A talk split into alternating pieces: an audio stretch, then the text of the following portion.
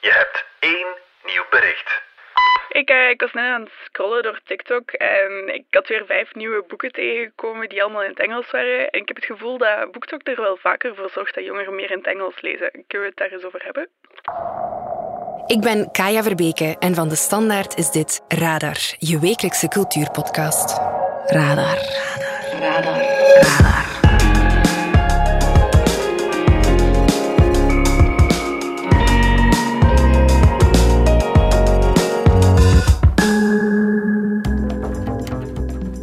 Heb twee dagen gefilmd hoe ik gelezen heb en dat wil ik even met jullie delen. Dat is TikToker Jasmin, of zeg maar boektokker.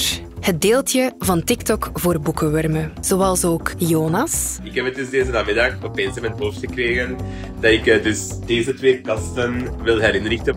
Ja, omdat ik dat niet alleen wil doen, ga ik mezelf een beetje filmen en terwijl ze jullie een beetje meenemen in het proces waarbij ik waarschijnlijk ga wenen en dan ga opgeven, maar Let's go! En ook Femke. Hello, welcome back to Fem tries to finish her current reads before the new year, part 2. Basically, the only reason that I want to do this... What the fuck? Oh my god. What the fuck is wrong with you? She almost knocked over my dead plant. En onze eigen social media redacteur Doreen Hendricks. Het was een zware week. Vijf boeken en gaat er een zesde bij komen? Ja. Is dat gezond? N nee. Let's do a rapid fire. Allemaal maken ze video's over boeken. BookTok is zo een boekenclub, maar dan online. En niet zomaar een clubje, maar een met veel impact op de boekenmarkt. Want jongeren lezen veel vaker in het Engels. Maar um, is dat eigenlijk wel een goede evolutie? Welkom bij. Radar. Radar. Radar.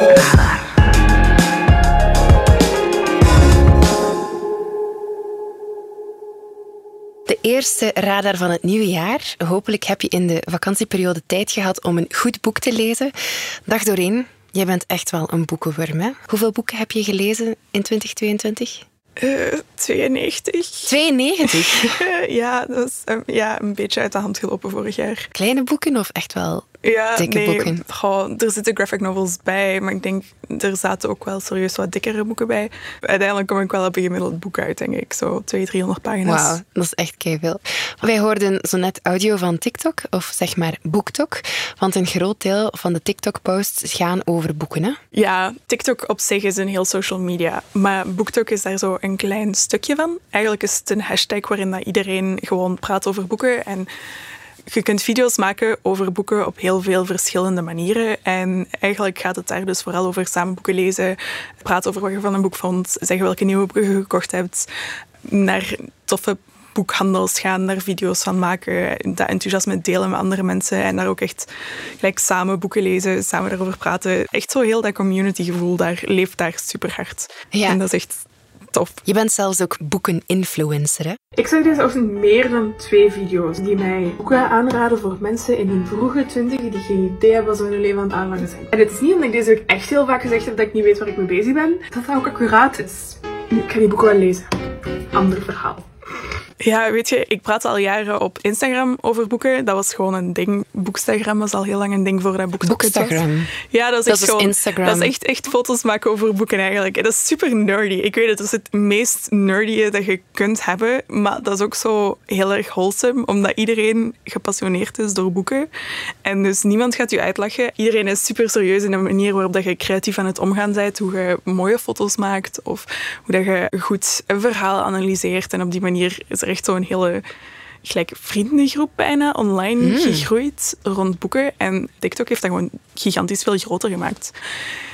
Weet je, als je aan het discussiëren bent over een boek, je kunt het wel niet eens zijn, maar dat is goed, ja, dat zijn smaken en kleuren, so be it. En je gaat verder en misschien heb je het over het volgende boek dat je het wel eens bent en dat je daar dan echt een uur over kunt praten van, oh mijn god, ja, wat daar gebeurd is. En dan je leert zo makkelijk nieuwe mensen kennen op die manier. En, en er is zo dat hele gegeven van een community en dat is super chill. Zoals een boekenclub, maar dan online. Sowieso, ja. Boekenclubs zijn super nice, maar in het echt is het een beetje lastig om die te vinden. En online leeft dat super hard wel.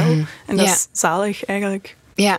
Zeg, jij, je bent zelf ook auteur. Welk boek heb jij geschreven? Zout, dat is eh, een young adult die vorig jaar is uitgekomen. Een young adult. Dat is een genre, hè? Ja, eigenlijk, goh, young adult als genre zien is zo een beetje fout. Dat wordt wel gedaan, maar eigenlijk is het meer een leeftijdscategorie. Dus het is zo elk boek dat je kunt vinden dat beschikbaar is voor iemand tussen de 15 en de 25 ongeveer. Qua genre is het nogal lastig om te zeggen, want dat kan gaan van high school musical-like drama's tot fantasy, tot, ja, tot van alles eigenlijk. Dus, Het zijn thema's die adolescenten bezighouden. ja, sowieso wel, want er zijn wel zo'n aantal pijlers die zo vaak terugkomen binnen young adult. Zoals? Goh ja, heel erg dat licht anarchistische inderdaad. Er, er, er wordt gewoon makkelijker tegen schenen geschopt in Young Adult. En dat is denk ik wat ik er altijd zo leuk aan gevonden heb. De vooruitgang in diversiteit en zo begint ook vaak vanuit Young Adult. Omdat daar... Dat wordt makkelijker aangenomen in die doelgroep. En dat wordt makkelijker aangenomen door die redacteurs op de een of andere manier.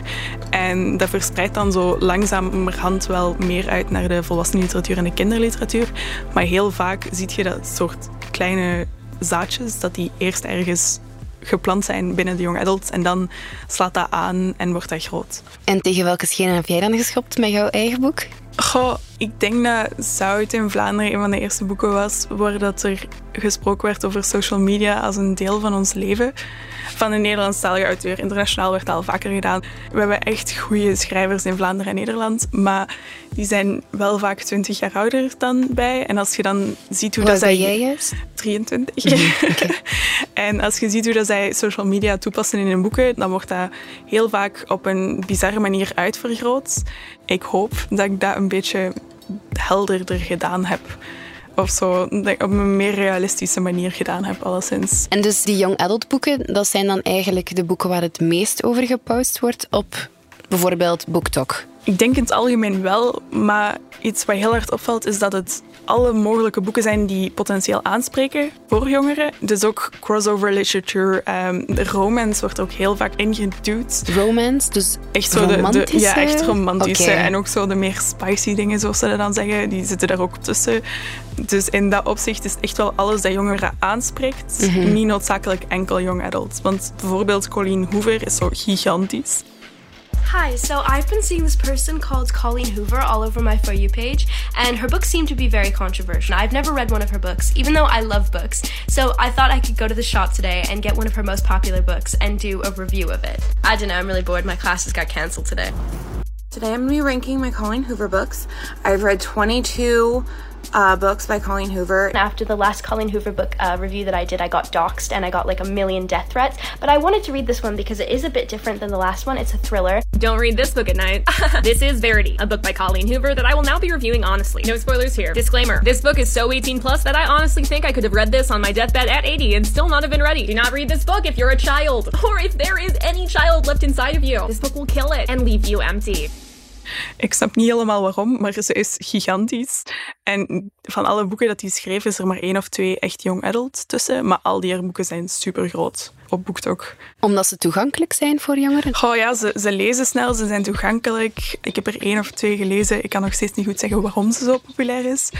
Maar eh, mensen hebben er superveel gevoelens bij. Die praten er dan over, die delen die gevoelens. En op die manier zijn andere mensen dat ook gaan lezen. En dezelfde grote gevoelens en video's die viraal gaan. En op die manier is dat gewoon gigantisch geworden. Ja, dus dat zijn zo wat de boeken die het goed doen op sociale media. Het, het valt echt wel op dat boeken op BookTok die het vaak goed doen, die hebben vaak echt gigantische shock-effecten ergens in het boek zitten. Zo um, Red, White and Royally Blue, uh, The Seven Husbands of Evelyn Hugo, The Song of Achilles, alle boeken van Colleen Hoover, inderdaad. Dat zijn zo klassieke BookTok-boeken en die hebben allemaal een zeker shock-effect.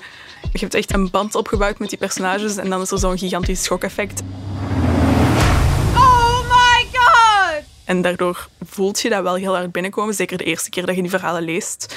En dat slaat echt super hard aan. En waarom een shock-effect? Omdat er een dramatische wending is? Omdat er iets heel erg gebeurt of zo? Dat is heel afhankelijk van boek tot boek, maar inderdaad soms iemand die sterft of het koppel dat uit elkaar gaat. En de boeken die het goed doen op TikTok, zijn dat allemaal nieuwe boeken of zitten daar ook echt zo klassiekers bij? Er worden echt soms heel oude, boek, allee, heel oude boeken. The Secret History van Donna Tartt, dat is toch echt al Ik denk dat het nu 30 jaar oud is.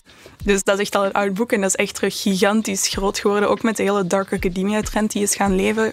Dat is, op TikTok was dat mega hard. En met de boeken juist hetzelfde. Er zijn echt superveel uh, Dark Academia-boeken bijgekomen. En iedereen die aan die Dark Academia begint, gaat wel ergens terug naar The Secret History. En wat is Dark Academia? Oh ja, dat is, dat is een soort subcultuur. Mm -hmm. binnen de Young Adult? Nee, helemaal niet binnen de Young Adult. Dat is veel breder dan boeken en verhalen alleen. Dat gaat over, ook over kleren. Dat is een soort van verheerlijking van het, uh, het, het, academische leven. Het geeft zeer esthetische plaatjes. Dus dat is een, een, manier van romantiseren van het lijden, van het studeren en het filosoferen en het wijsheid vergaren. Dus dat is echt zo, ja, weet je, van die donkere bibliotheken en, en mensen met rolkragen en uh, pantalons en zo. Dat is begonnen met, met Donna Tart en The Secret History. En daar wordt nu ook echt enorm veel naar gekeken. Dat is terug super hard verkocht ook. En een van de bronnen daarvan is, is BookTok. Maar er, zijn ook, er zijn ook andere boeken, gelijk zo Jane Austen en zo, die worden ook terug meer gelezen. Jane Austen, die kennen we bijvoorbeeld van Pride and Prejudice. Ja! He's here. Is he amiable? Is he handsome? He's single. I believe so. Oh my goodness! Everybody behave naturally.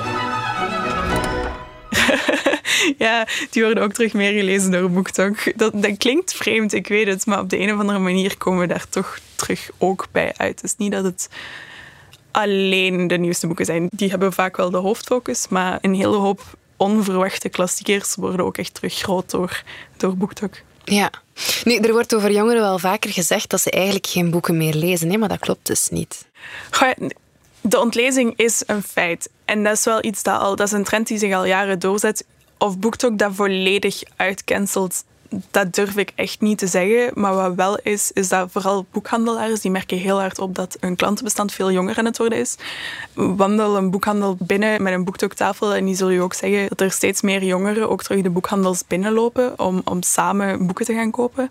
Terwijl het een paar jaar geleden alleen een stelletje nerd was, gelijk ik. En dat komt dus wel grotendeels door BookTok. Ja, ik denk dat wel. BookTok maakt het zo sociaal acceptabel om terug van boeken te houden, waar dat, dat vroeger echt een stuk moeilijker was. Jongeren lezen dus vooral meer in het Engels? Het is wel zo dat omdat heel veel van BookTok, er zijn Vlaamse boektokkers, er zijn een Jonas en een Jasmin en een Fem en een Annelies die daar echt heel erg veel mee bezig zijn en die dat ook geweldig goed doen. Maar uiteindelijk is een heel groot deel van TikTok ook in het Engels en zelfs degene die ik net opnoemde en, en, ik ook, wij lezen ook heel veel Engels. Dus als je praat over de boeken die je aan het lezen bent, of als je een video maakt over de boeken die je aan het lezen bent, en jij leest zelf wel heel veel Engels, dan is dat ook wat de jongeren zien.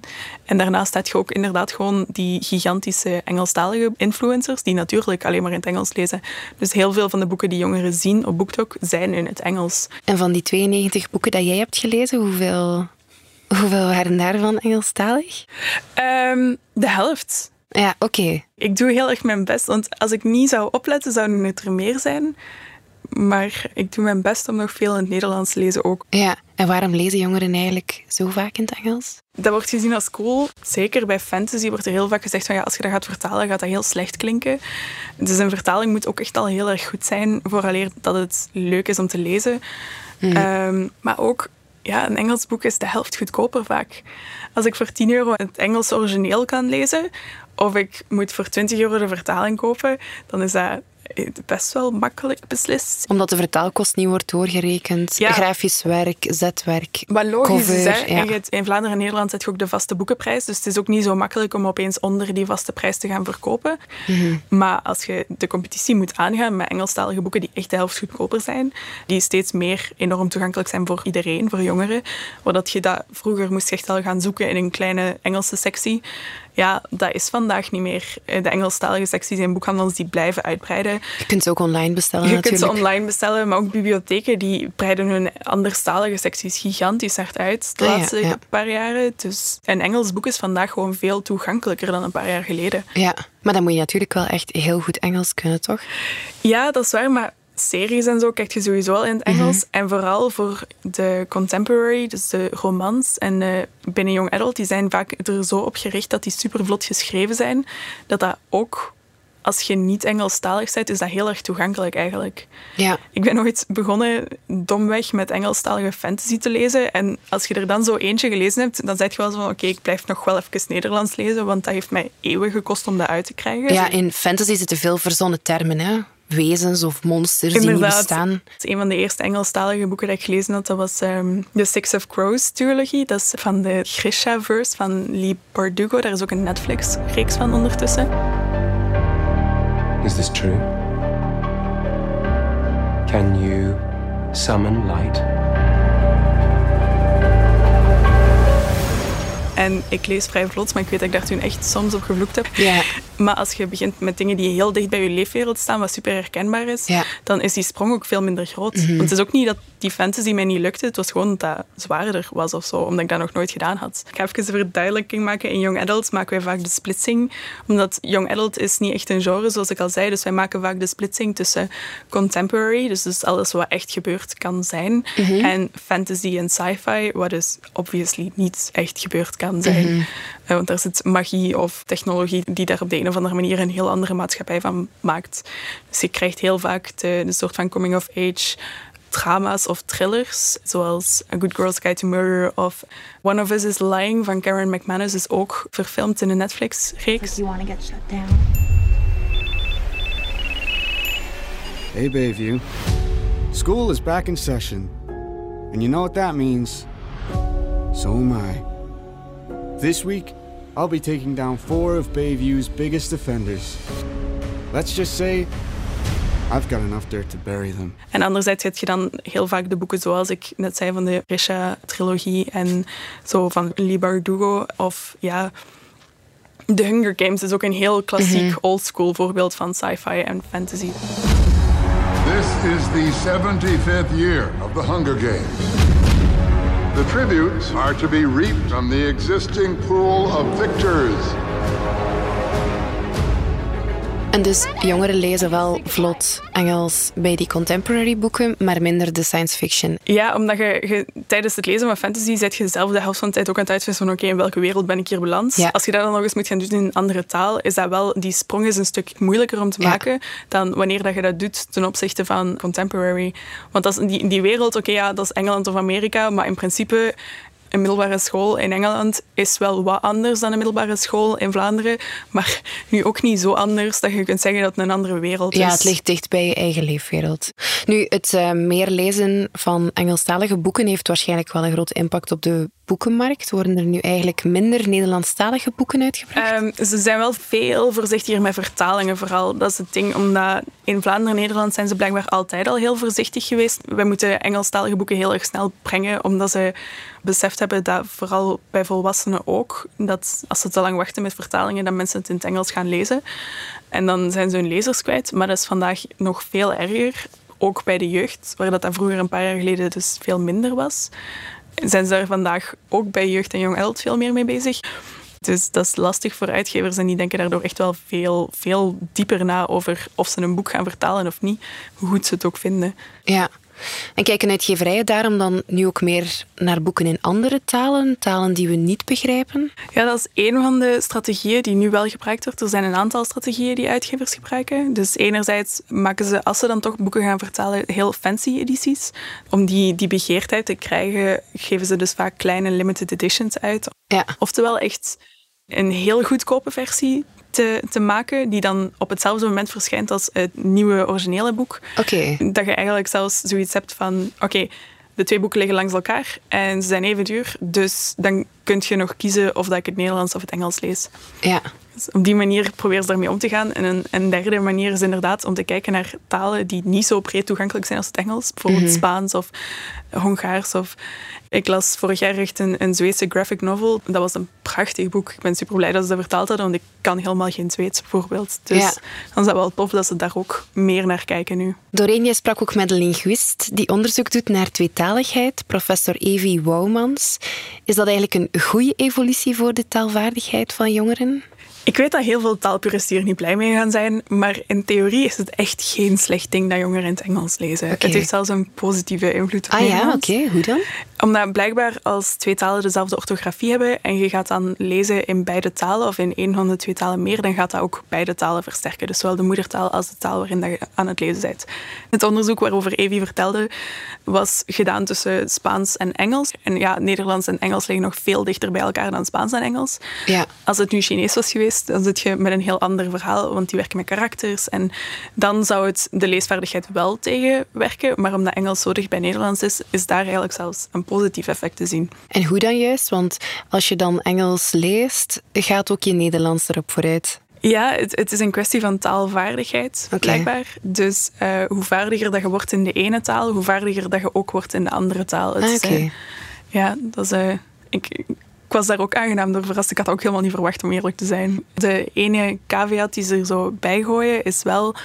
Oké, ja, maar hoe meer Engels dat je luistert, hoe makkelijker het ook kan zijn dat je een Engelstalige term gaat plakken op specifieke woorden en die zo in je hoofd hebt zitten, dat die als eerste gaan bovenkomen eh, Mhm. wanneer dat je het woord wilt zeggen. We belden ook even met professor Evie Woumans. Als je Engels leest, dan gaan die Engelse woorden eigenlijk vers in je hoofd zitten. En hoe meer je die Engelse woorden leest, hoe sterker het verband wordt tussen dat woord en de betekenis, het concept in je hoofd. Dus dat is eigenlijk een soort van priming, noemen we dat in het Engels. Wanneer een woord gezien wordt of gehoord wordt, dan zit dat eigenlijk vers in je hoofd en ga je dat makkelijker gebruiken. Ik merk bij mezelf bijvoorbeeld, ik gebruik heel vaak het woord obviously.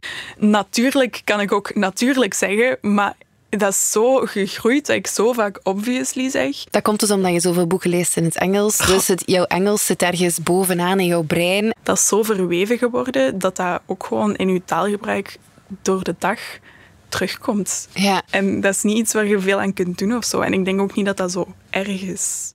Volgens taalpuristen wel, Ja, want maar- heel veel mensen vinden het wel dat er toch al heel veel Engels in onze taal is geslopen. Hè? Ja, maar ik denk niet dat dat alleen de schuld is van mensen die lezen. Ik denk dat dat ook de schuld is van alle films en alle series en alle muziek. En heel de manier waarop dat wij onze maatschappij samengesteld hebben vandaag. En kijken naar Amerika en naar Engeland voor enorm Technologie veel ook. cultuur en technologie inderdaad.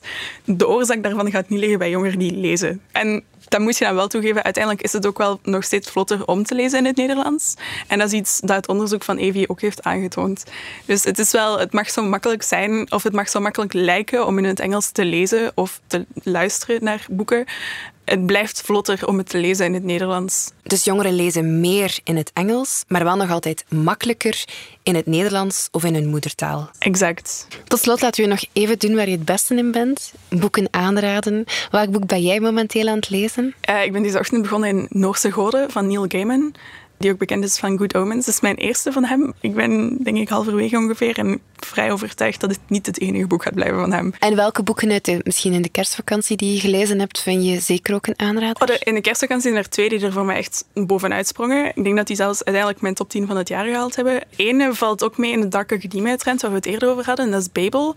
Dat gaat over vertalen en de kracht van vertaling eigenlijk. En vooral de invloed van imperialisme op verschillende culturen en op mensen uit die verschillende culturen in Engeland daar. Dat was super fascinerend. Dat haakt er echt heel hard in en dat doet u ook echt nadenken over uw plek in de wereld eigenlijk. En over de macht van taal ook echt effectief. Dus dat vond ik prachtig. Ja. En dan heb ik ook Bloodmarked gelezen. Dat is het vervolg op Legendborn. Van welke auteur is het? Van Tracy Dean. En dus Legendborn was al een van mijn favoriete boeken van 2021. Het begint zo vrij rustig, maar de spanningsboog van dat boek is echt niet normaal. Dat is gewoon één steile lijn omhoog. Nadat je een half uur gelezen hebt, kun je zo zeggen van oké, maar ik moet weten hoe het verder gaat. En kun niet meer stoppen. En het blijft ook zo steeds verder gaan tot, tot het einde. Dat je echt zo zegt van wat is hier aan de hand? En dat tweede deel was zo weer exact hetzelfde. En exact zo constant op het puntje van je stoel zitten. Constant zo denken van dit is echt niet goed voor mijn hart. En constant gewoon hopen dat die personages niet sterven. Of, of niet, dat er niks met hun gaat gebeuren. Geen dramatische wending, alsjeblieft. Ja, echt zo van alsjeblieft. Er zijn te veel dramatische wendingen om dit gezond te laten zijn. Maar ik kan daar super hard van genieten. Ik heb nu echt veel zin om met een goed boek in de sofa te kruipen. Dankjewel Doreen voor je tips en ook om langs te komen. Hè. Graag gedaan. En ik heb hier nog een extra cultuurtip voor jou. Radar. De tip komt deze week van... Veerle van den Bos, cultuurredacteur. Wat is jouw tip? De Netflix-reeks The Lying Lives of Adults, een verfilming van Elena Ferrante. En waarom? Omdat het een prachtige reeks is waar Napels ook uh, een heel mooie rol in speelt. Het is een prachtig coming-of-age verhaal dat zich afspeelt in het Napels van de jaren 90 prachtig geacteerd. De hoofdrolspeler is een jonge actrice die echt eh, de pannen van het dak speelt. En haar tegenspeelster is een wilde, flamboyante tante van haar die zowel passioneel als opvliegend als lief en teder is. Maar ook wispelturig en eigenlijk een totaal uh, natuurkracht, bijna een soort Carmen. En het vuurwerk tussen die twee is echt prachtig om te zien. Je kunt The Lying Lives of Adults bekijken op Netflix. Bedankt voor jouw bijdrage. Radar. Radar. Radar. Zo, dat was Radar, de wekelijkse cultuurpodcast van de Standaard. Alle credits vind je op standaard.be-podcast. Bedankt voor het luisteren en uh, tot volgende week. Hè.